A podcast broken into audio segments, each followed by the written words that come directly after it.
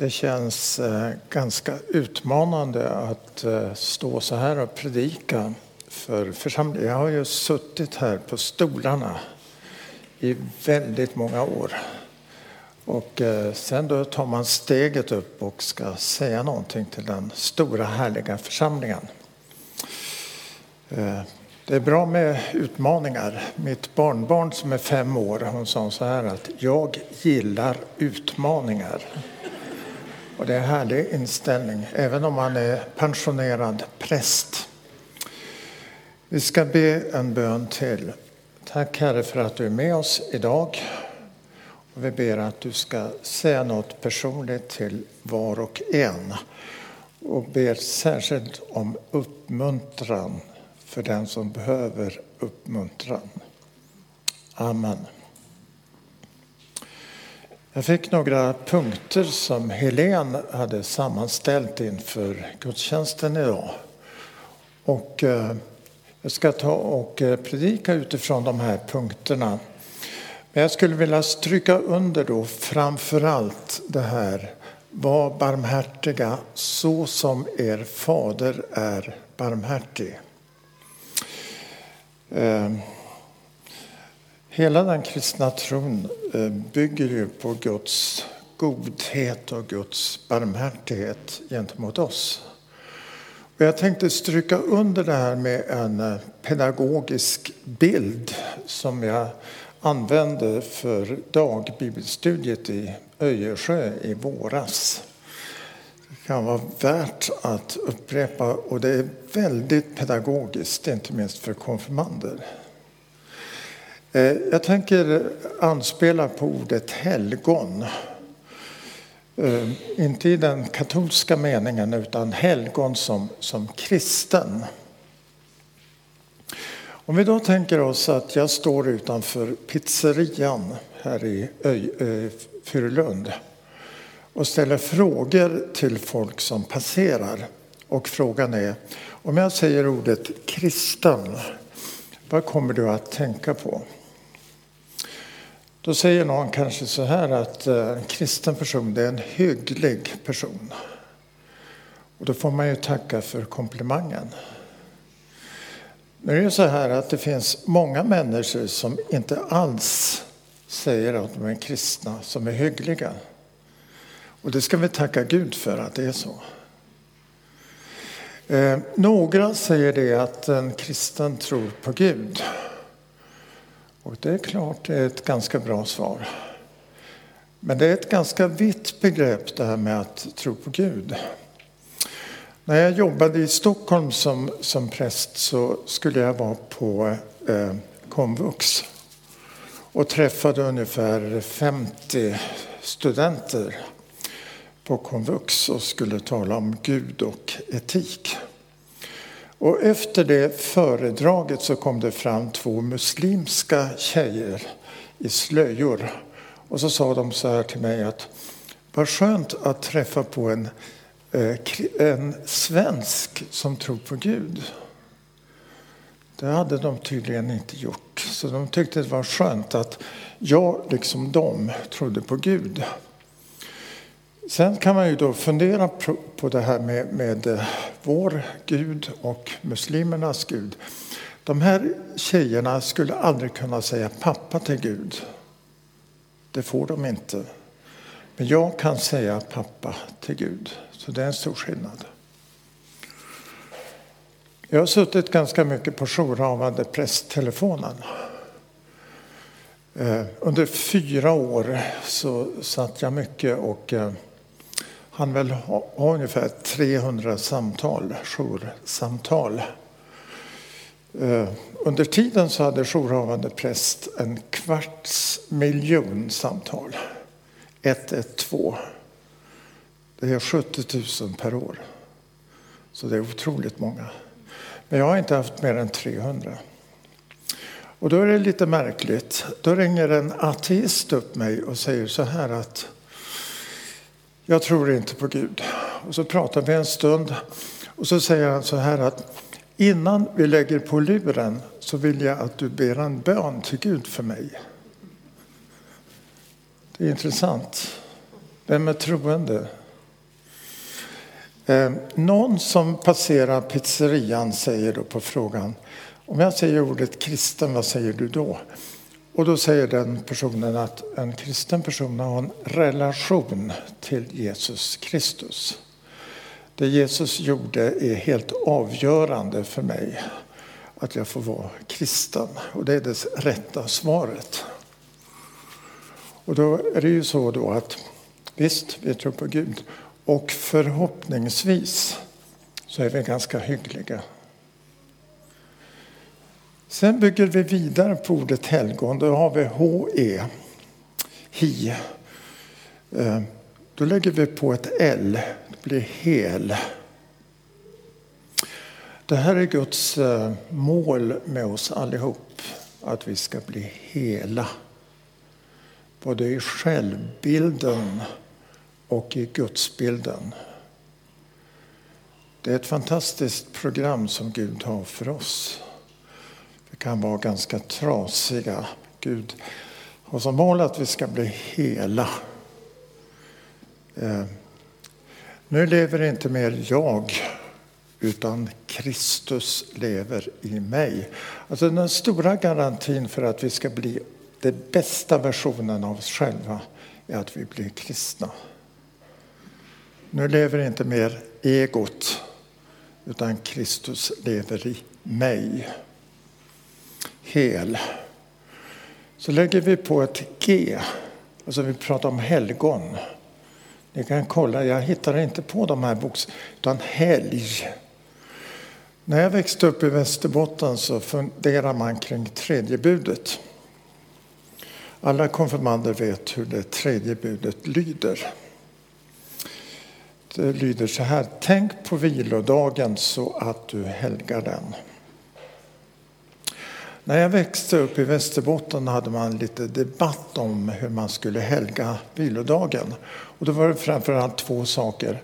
Man skulle inte eh, påta jorden, alltså trädgårdsarbete. Och man skulle inte handarbeta. Eh, det var kanske inte så djupt svar på frågan. Eh, om vi, om vi tänker lite djupare så handlar det om helga vilodagen på det sättet att Gud får första platsen. Den goda gudstjänsten, eh, samling med familj och vänner. Att man firar. Alltså judarna är fenomenala på att fira sabbaten. Vi har mycket att lära om dem. Och sen den här fantastiska upplevelsen att man vaknar på söndag morgon och jag känner mig, jag är faktiskt ledig idag. Alltså annars har man ju en massa krav på sig. Jag är ledig. Vad skönt. Och då tror jag att det löser sig också med att påta jorden. Alltså det finns så mycket aspekter på det här. Vi hade en sommarstuga uppe i Bergslagen. Och det började väldigt bra med det att man kunde åka till stugan och slappna av och så där vidare. Vi försökte hålla efter det någorlunda bra. Men så kom det in en sån här eh, tendens att det skulle vara perfekt i trädgården. Och vi hängde inte riktigt med på det.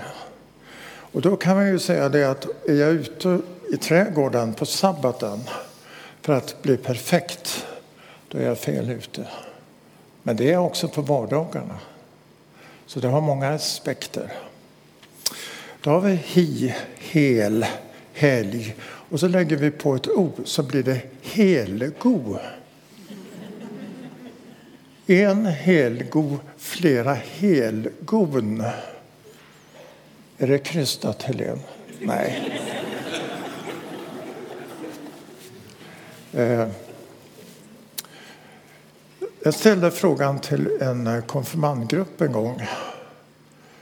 Eh, om du, om du träffar på en människa som sällan ger respons, eh, som aldrig uppmuntrar, eh, som eh, inte visar någon slags empati.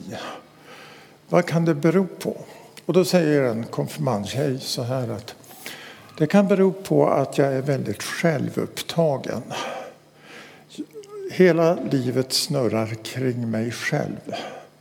Jag ser överhuvudtaget ingen annan. Det är ett jättebra svar. Det är fantastiskt. Eh, att bli helgod innebär ju att eh, jag känner mig sedd, älskad. Eh, jag behöver inte bevisa någonting. Jag kan visa ett intresse för människorna runt omkring mig. Det är en fantastisk utveckling. Att bli helgod.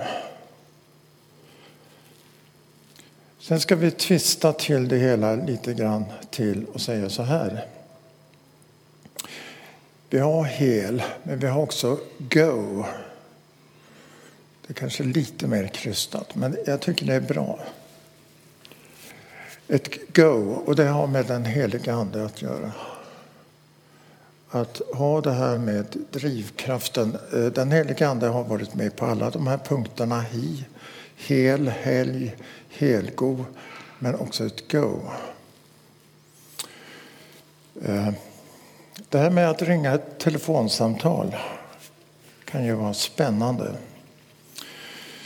Eh, jag fick en eh, tankeställare när jag ringde upp en dam som jag inte kände en gång. Och så sa, sa jag så här till henne. Förlåt att jag stör. Och så säger hon så här att eh, du stör inte. Jag bad faktiskt en bön till Gud att någon skulle ringa mig idag. lite annat perspektiv. Sen dess har jag tänkt lite djupare kring att slå en signal till någon. Sen en del av oss har lite svårt med telefonen. Och det kan också Gud hjälpa oss med. När jag var präst i en annan församling så var jag ute och klippte häcken. Apropå med det här med trädgård.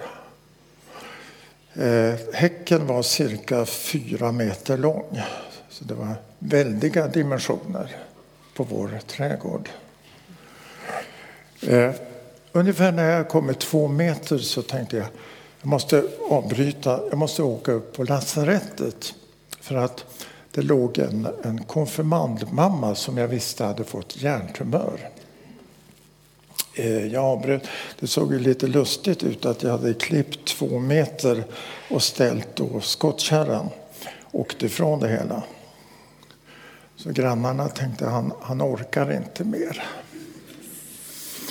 Eh, I alla fall så kunde vi kommunicera evangeliet eh, till den här kvinnan. Hon var då fullständigt intakt. Eh, sen fick jag höra då av personalen ett par, någon dag senare att timmen efter mitt besök så hade hon tappat talförmågan synen. Vi eh, hade bestämt att jag skulle komma upp med nattvarden till henne. Och det gjorde vi också ett par dagar senare. Det var en fantastisk stund med eh, Herrens heliga nattvard. Hon kunde ta emot det märkte vi. Och sen dog hon fem dagar senare. Ett go alltså den heliga Ande, timing. Fantastisk dimension. Det här är ett mått på Faderns barmhärtighet. Hi, hel, helg, helgo, helme, go. Jag tror att konfirmanderna kommer ihåg punkterna. Annars ska jag lämna mejladressen så kan jag upprepa det. Eh, det här är ett fantastiskt mått på Guds barmhärtighet. Och då är uppmaningen till oss, var också ni barmhärtiga. Och det är klart att växer man in i den här dimensionen av Guds barmhärtighet så, så gör det någonting med oss. Eh, vi får ett nytt hjärta som vidgas och blir större för kärleken, värmen och barmhärtigheten. Så säger Jesus, döm inte. Frikänn. Eh, det är viktigt att eh, hålla fast vid att det är Gud som dömer. Eh, om, man, om man leker med tanken att, att Jesus är en domare. Jesus är också en domare. Men vi tänker oss att Jesus är en mänsklig domare. Han har en vän som eh, har stulit ganska mycket från domaren. Och så blir det då rättegång. Och eh, domaren dömer enligt lagboken till böter. Alltså rätten har sin gång. Och den här domaren dömer. Eh, den här vännen då som har stulit blir dömd till böter. Och vad händer då sen eftersom Jesus, domaren är Jesus? Jo, domaren betalar böterna. Det är fint. Alltså, rätten har sin gång, men frikänns. Om man tänker sig att hela mänskligheten får en dödsdom på grund av all ondska, allt hat som man har stått för. Eh, den här dödsdomen drabbar då Jesus på korset. Eh, alltså mänsklighetens samlade ondska och hat eh, drabbar Jesus på korset. Och alla som vill får ta emot förlåtelse och befrielse. Det är fint. Gud dömer. Alltså, rätten sopas inte under mattan.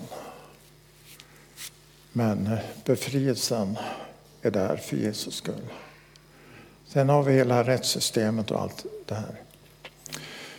Hur ska vi då se på medmänniskorna?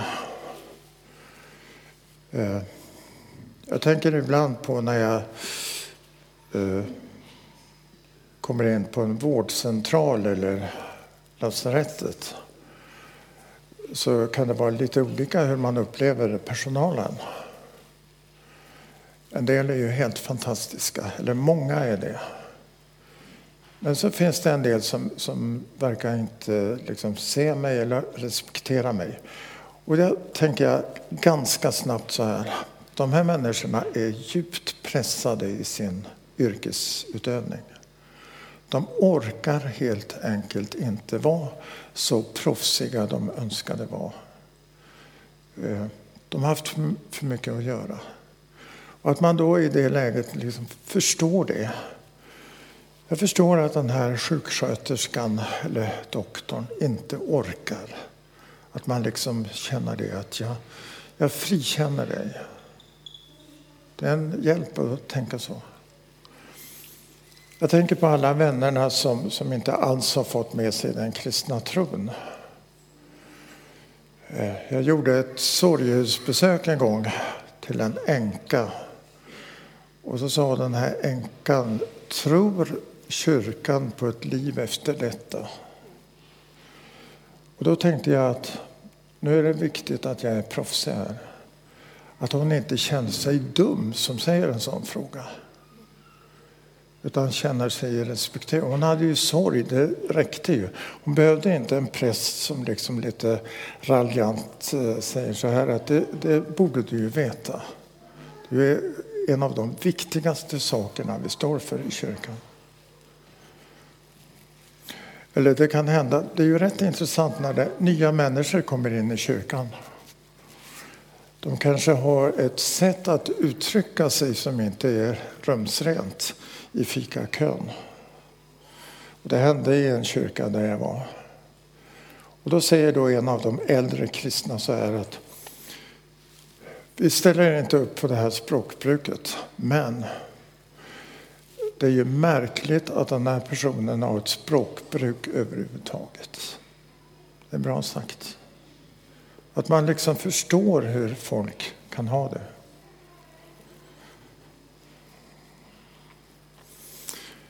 Det var en liten lustig detalj på, i vår sommarstuga. Jag tycker Gud bjuder på ganska mycket humoristiska inslag. Jag satt uppe på taket på sommarstugan.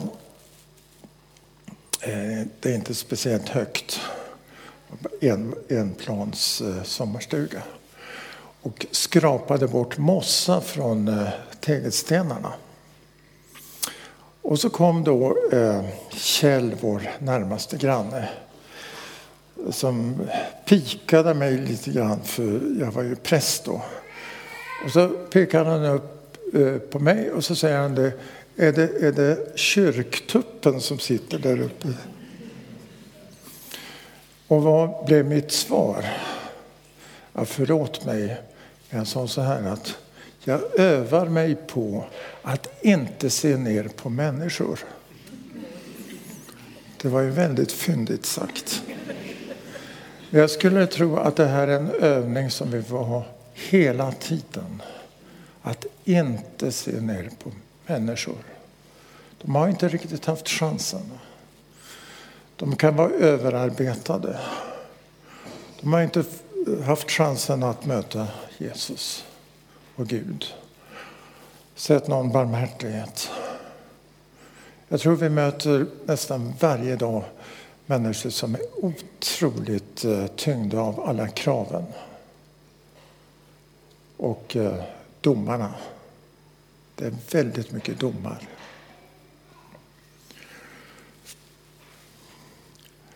Med det mått som ni mäter med ska mätas uppåt er.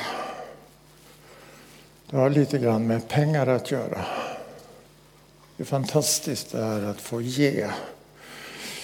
Eh, jag tänker på eh, situationen på Afrikas horn som EFS är med och stöttar. Alltså, den glädjen att få ge till det ändamålet som en del av ens inkomst. Det är fint. Jag tänkte på, det var en fantastisk konfirmation i Öjersjö igår.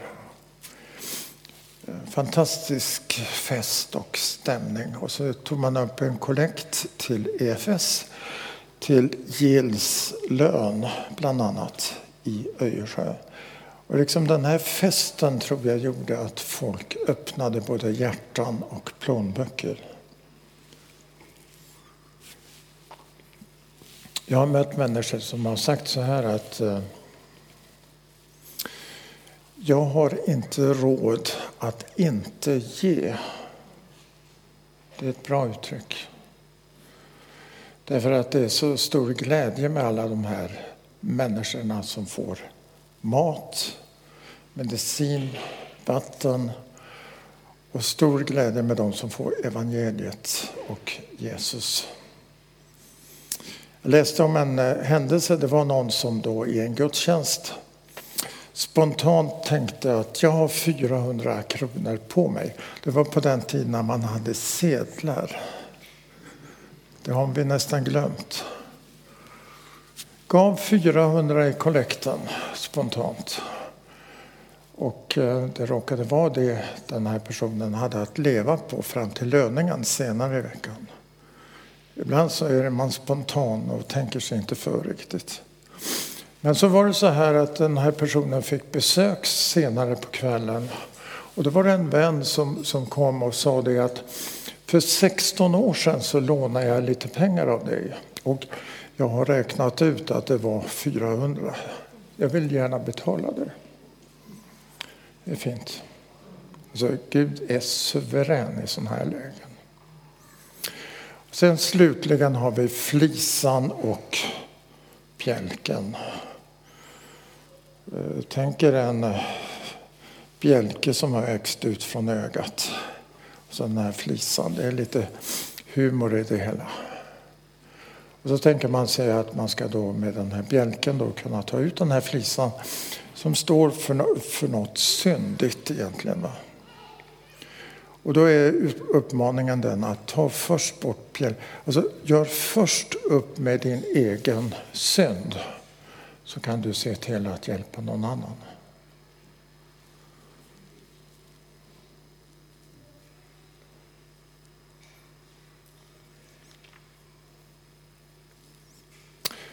Det är Gud som tar initiativet. Eh, glöm inte hi, hel, helg, helgo, hel med go. Och sen kan man eh, lära sig ett helt nytt förhållningssätt att se mycket barmhärtigt på omgivningen.